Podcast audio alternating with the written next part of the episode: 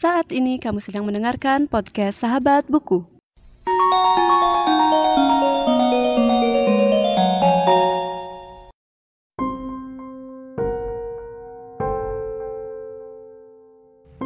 Kado kematian untuk pacarmu.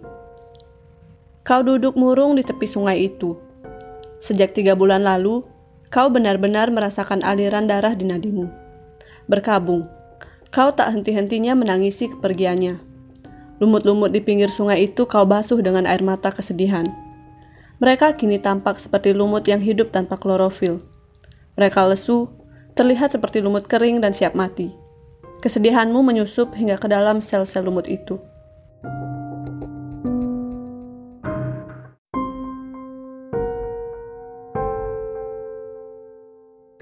Halo semuanya dan selamat datang kembali di podcast Sahabat Buku. Bagi kamu yang baru pertama kali mendengarkan podcast ini, podcast Sahabat Buku adalah sebuah podcast yang membahas review buku dan pengalamanku saat membaca buku. Nah, di episode kali ini aku akan membahas satu buku yang berjudul Kado Kematian untuk Pacarmu yang ditulis oleh Wayan Agus Wiratama. Nah, sebelumnya aku mengajak satu orang tamu di podcast ini. Bisa perkenalkan diri dulu? Halo, nama saya Jagat. Oke, jadi aku mengajak Jagat untuk uh, membahas buku ini karena dia juga sudah membaca buku ini. Dan kita akan langsung aja ke sinopsis dari buku ini. Oke, jadi ini merupakan buku kumpulan cerpen yang terdiri dari 11 cerpen dan diterbitkan oleh penerbit Mahima Institute Indonesia. Nah, aku bakal nyeritain cerita pertama atau cerpen pertama di buku ini yang berjudul Sebuah Kabar pada Larut Malam. Nah, diceritakan di buku ini uh, ada sepasang suami istri yang sedang bertengkar dan di rumah mereka sedang ada uh, kedukaan yaitu uh, ayah si suami sedang maaf uh, ayah si suami ini sudah meninggal dunia dan uh, setting dari ceritanya di Bali. Jadi kalau di kebudayaan Bali itu uh, pada saat ada orang meninggal dunia pasti warga-warga di sekitar atau kayak warga-warga desa itu bakal uh, istilahnya datang ke rumah orang yang meninggal ini. Dan pada cerita ini diceritakan uh, si suami istri ini bertengkar dan melibatkan uh, orang ketiga yaitu si teman dari uh, suami istri ini.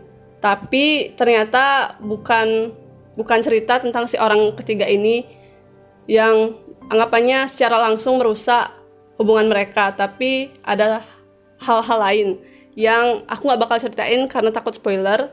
Dan kita bakal lanjut ke cerita kedua yang berjudul Kuburan Ayah. Oke, di kuburan ayah ini eh, ceritanya uh, ada sebuah keluarga. Keluarga itu memiliki uh, warisan berupa keris dan topeng. Dan sebuah keluarga ini memiliki toko barang antik. Di toko barang antik itu keris dan topeng itu keris dan topeng yang jadi warisan keluarga yang se sebenarnya tidak dijual oleh keluarga ini itu menjadi primadona bagi uh, bagi pembeli-pembeli yang ingin oh, gimana? Uh, jadi kayak ada pembeli-pembeli yang kayaknya tertarik banget sama barang hmm. antik itu yang merupakan warisan keluarga hmm. mereka padahal itu nggak dijual hmm. gitu tapi ada yang mungkin anggapannya hmm. sampai memaksa gitu kayak yeah. memaksa si keluarga ini untuk menjual uh, barang tersebut kayak gitu sih karena uh, karena keris dan topeng ini memiliki kayak gimana ya daya tarik yang kayak orang yang membawa keris dan topeng ini seperti memiliki aura yang bagus gitulah ya pokoknya ceritanya itu dari ketertarikan uh, tentang barang antik ini bakal mengantarkan petaka gitu buat si keluarga ini dan untuk kelanjutannya kalian bisa baca baca sendiri karena biar nggak spoiler gitu. Betul. Dan uh, cerita dari kumpulan cerpennya itu kan berjudul Kado Kematian untuk Pacarmu. Dan ceritanya itu ada di cerita ketiga dengan judul Kado Kematian untuk Pacarmu dan menceritakan mungkin bisa dibilang kayak cinta segitiga gitu ya. yang bakal uh, membawa salah satu orang itu ke dunia akhirat gitu pokoknya dan untuk selengkapnya kalian baca aja karena menurut aku sih uh, emang cocok sih uh, apa namanya cerita ketiga ini buat dikasih di ditaruh di judul. Karena dari sekian judulnya mungkin ini yang paling kayak eye catching gitu ya. Paling catchy paling ya paling catchy gitu. Paling mungkin kayak menarik buat dibaca gitu. Tapi memang buku ini berbau-bau kematian. Ya auranya dark jadi bisa dibilang semua ceritanya bakal ada hubungannya dengan mungkin kematian dan sesuatu tentang kedukaan gitu ya. Mungkin nggak secara langsung si tokoh utama yang meninggal tapi ada sesuatu di sekitar mereka yang kayak apa namanya kayak ada kedukaan ada kematian kayak gitu. Kayak di cerita pertama itu kan ayahnya ada yang meninggal gitu bukan tokoh utamanya. Kayak mungkin jadi cerita kayak apa setting settingnya itu tentang kedukaan gitulah sama jadi tema mungkin ya. Iya tema tema besarnya itu kayak eh, gelap dan berbau kematian gitu. Dan dari covernya aja hitam kita Warna- bisa lihat eh, apa namanya warna hitam, terus ada gambar kado eh, di kepala orang, terus tapi dia bawa pisau gitu. Dan kita bakal lanjut ke pendapat pribadi kita tentang buku ini. Nah, sebelum lanjut ke pendapat pribadi kita tentang buku ini, jangan lupa untuk memfollow podcast Sahabat Buku di Instagram @podcastsahabatbuku dan Twitter @sahabatbuku underscore. Dan buat kamu yang dengerin di YouTube, jangan lupa juga untuk subscribe di channel kita. Dan selanjutnya, kita langsung aja ke pendapat buku ini, pendapat kita tentang buku ini, maaf. Jadi, bisa dimulai dengan Jagat, gimana nih menurut kamu bukunya? bagus punya bagus banget Jelasin dong, jelasin. Oh, aku aku dulu nih. kamu kan udah baca juga Oke, kalau dari aku pribadi, eh gimana ya? Aku jarang baca buku yang suasananya dark gitu, kayak mungkin novel horor atau sejenisnya tuh aku nggak terlalu sering. Tapi ini dapat banget sih, apalagi cerita pertama tuh langsung eh, relate gitu, soalnya kan kita tinggal di Bali, kita tahu kayak budaya kayaknya Bali hampir itu gimana hampir gitu. semua ceritanya bersetting di Bali deh Iya, kayak hampir semua, tapi ada yang mungkin secara implisit aja gitu, nggak langsung bilang aku di Bali gitu, nggak nggak langsung bilang kayak gitu. ya semuanya juga gitu kayak Iya sih. Terus eh, apa namanya? Selain itu, aku nganggap eh, cerpen pertamanya ini masuklah sebagai nggak kayak makanan tuh hidangan pembuka. Karena kalau aku baca cerpen pasti ngelihat cerita pertama tuh mau nggak sih kayak eh, ngajak aku buat menyelami cerpen itu? Kalau misalkan nggak mungkin aku nggak bakal niat untuk baca gitu kan. Terus yang ini menurut aku oke sih untuk jadi hidangan pertama gitu kayak Memangnya hidangan pertama biasanya apa? kalau aku di makanan tuh apa ya beda sih beda case beda case nggak boleh. Oke, jadi selanjutnya eh, aku menemukan eh, mungkin ini terjadi di beberapa cerpen yang lain juga. Biasanya kalau buku kumpulan cerpen dengan judul salah satu cerpennya, kalau nggak ditaruh di cerita pertama, itu ditaruh di cerita ketiga atau keempat. Aku nggak tahu ini formula dari mana, tapi nggak tahu aku nemuin itu kayak unik aja gitu. Kenapa cer- cerita utamanya tuh kalau nggak ditaruh di, di cerpen pertama pasti ketiga atau keempat. Yang aku pernah baca nih, itu sih.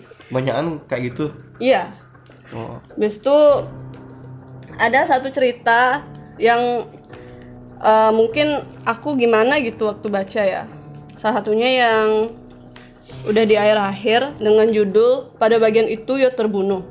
Nah, cerita ini sebenarnya awal awalnya tuh menurut aku relate banget sama sesuatu yang juga terjadi di Bali ya. Kayak sengketa tanah, kayak gitu apalagi ya kita tahu kan ada sesuatu yang pernah viral dulu gitu. Dan ini tuh relate banget sama itu gitu kan.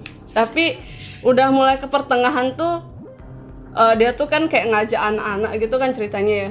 Itu udah mulai agak agak fiksi gimana ya nggak udah agak fiksi maksudnya kayak nggak relate nggak relatable gitu sih. Soalnya kan anak-anaknya banyak gitu. Ya emang sih namanya cerita fiksi kan bisa berfantasi ke mana aja gitu ya. Anak-anaknya banyak gitu. Ya kayak dia tuh punya Kayak- pasukan anak-anak gitu loh. Pasukan anak-anak? Heeh. oh. Kayak gitulah. Makanya kayak aku belum baca deh ya itu. Nanti kamu coba baca deh. Ya, kalau aku tuh ngerasa nggak relate sama itu. Karena di awal tuh kayak Wih, relate banget nih. Di pasukan anak-anak sebanyak apa emang? Sebanyak banget. Banyak kayak banget. ya banyak banget gitu lah pokoknya. Mungkin gini nggak kayak orang Bali zaman dulu kan banyak punya anak. Eh, nggak juga. Dia tuh ngajak anak-anak orang lain juga gitu. Nggak anaknya dia aja. Oh. Gitu sih. Makanya nggak relate buat aku yang itu. Padahal awalnya tuh udah kayak gimana ya bagus gitu. Ih aku kayak sempet denger nih eh, cerita-cerita sengketa tanah gitu-gitu kan. Udah udah ke pertengahan tuh kayak oh dia jadinya em, mau ngapain nih sebenarnya ngajakin anak-anak banyak-banyak kayak gini gitu sih. Itu yang agak mungkin nggak relate sama aku gitu tapi ceritanya bagus kok. Endingnya lumayan sih buat aku kalau yang itu. Terus ada juga cerita yang aku mungkin sebagai seorang perempuan ngelihatnya gimana gitu ya. Itu di cerita ke terakhir-terakhir juga. Judulnya kematian saudara perempuan. Ini tuh kalau boleh aku bilang di antara sekian cerita ini yang buat aku paling emosi karena ceritanya tuh gimana ya secara nggak langsung tuh ngeliatin kalau eh, masyarakat tuh kadang skeptis gitu sama perempuan yang kesannya mungkin dibilang perempuan nggak bener gitu loh. Tapi ini diambil dari perspektif saudaranya dia gitu. Makanya kita bisa ngelihat kayak gimana sih perspektif orang yang mungkin saudaranya dibilang perempuan nggak bener perempuan malam gitu-gitu. Dan dia tuh nyeritain soalnya sih perempuannya ini mati gitu kan. Dia tuh kayak me- mengeluarkan emosi gitulah pokoknya makanya agak gede sih waktu baca. Yeah. Terus kalau kamu gimana? Kalau aku cerita yang cerita yang mana nih? Ya cerita ini mungkin ada cerpen yang mungkin relate banget atau ya gitu deh hmm aku mana tuh ya suara pesan yang tak terkirim yang ini ya apa yang gini tuh yang dari perspektif Oh iya, aku lupa juga itu ada satu cerpen yang dia tuh pakai perspektif kertas. Oh ya benar. Perspektif kertas yang nyeritain seorang tokoh. Jadi ini keren banget sih. ini ini aku suka soalnya tumben aku eh, baca cerita yang dari perspektif kertas gini ya. Mm-mm.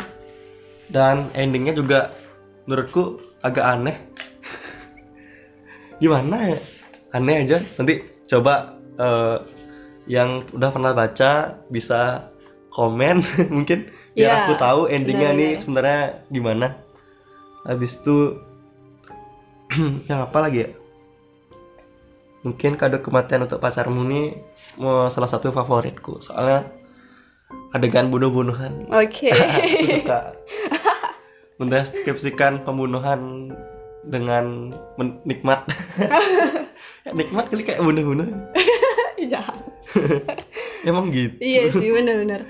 Oh yang yang tadi cerita kertas yang pakai perspektif kertas, aku juga lupa sih bilangnya. Itu salah satu yang aku suka karena menurut aku nggak banyak penulis yang aku baca ya, nggak banyak penulis yang berani pakai perspektif eh, bukan anggapnya kayak benda gitu. Karena Hmm.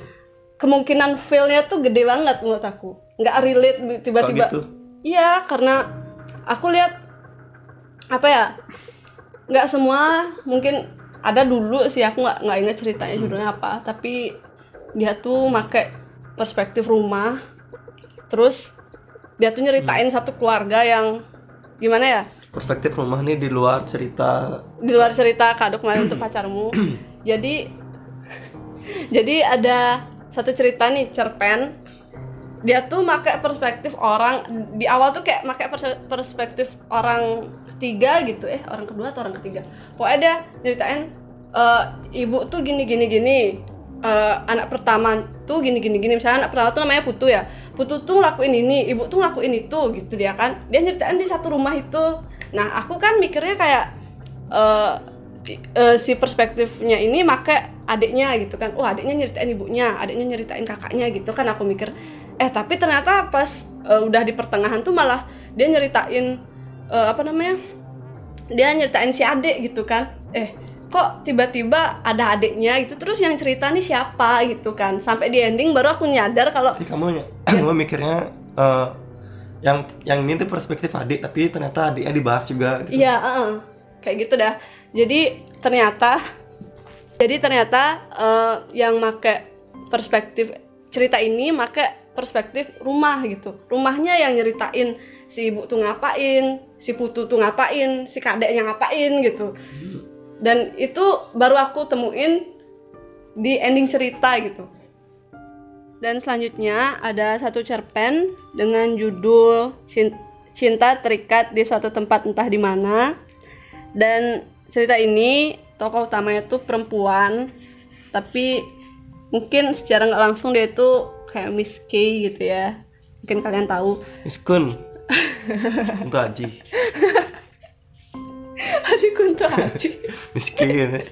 ya gitu deh.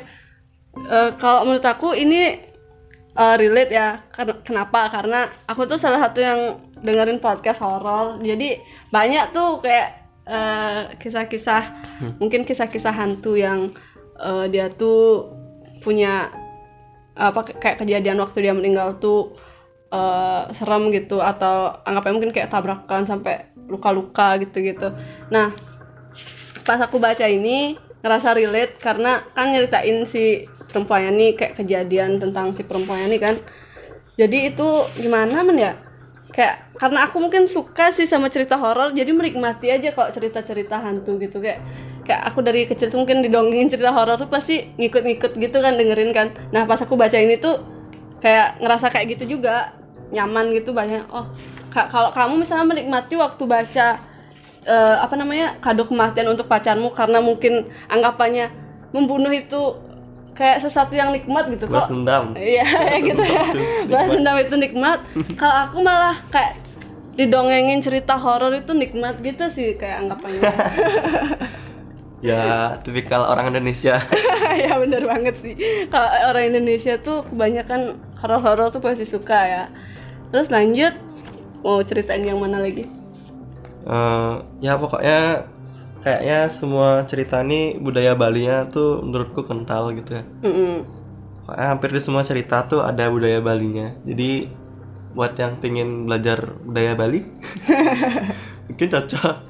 Ya bener sih, karena seperti yang aku bilang tadi di cerita awalnya aja udah nunjukin gitu secara nggak langsung kalau misalnya orang Bali itu misalnya pas ada orang meninggal ada misalnya bapak-bapak gitu yang duduk di di depan rumah gitu kan nginap sampai malam gitu dan selain itu mungkin salah satu kekurangan buku ini yang aku anggap sedikit gimana ya sedikit mengganggu gitu adalah ada beberapa tipe Setuju. ya itu ada beberapa tipe yang mungkin bisa diedit lagi biar lebih Ada nyaman salah salah gitu. cetak, Uh, uh, salah cetak gitu jadi mungkin salah tulis. mm-mm, mungkin di cetakan selanjutnya bisa di- diperbaiki. Dan semoga cepat ya cetakan selanjutnya. Semangat ke Agus. Dan kayaknya itu aja sih untuk episode kali ini. Ada tambahan nggak? Dan di setiap ceritanya ada artwork artwork. Oh iya. Yang bisa menggambarkan seperti suasana. ya ilustrasi tentang cerita dari cerpen-cerpennya gitu dan menurut aku satu buku Mahima tuh kayak aku juga baca cerpen yang lain kan ya ada juga kayak setiap ceritanya tuh Cerpen yang lain apa nih? Kumpulan cerpen yang lain? ya pasti biasanya isi ilustrasi jadi kayak mungkin membantu teman-teman yang belajar pakai visual waktu baca tuh oh kayaknya aku bisa visualisasiin sesuai sesuaiin sama Iya. ilustrasinya gitu sih ada lagi Hmm, apa lagi? Itu aja kayak. Oke, jadi itu aja untuk episode kali ini. Buat teman-teman yang baca bukunya juga bisa komen pendapat kalian di Instagram, YouTube, atau Twitter podcast Sahabat Buku dan kita bisa saling sharing pendapat mengenai buku ini. Jadi Yeah. itu aja untuk episode kali Kalau ini. mau beli bukunya di mana?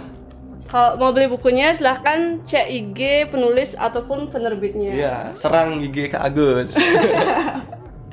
Jadi terima kasih untuk mendengar karena sudah mendengarkan episode kali ini dan sampai jumpa di episode selanjutnya. Bye.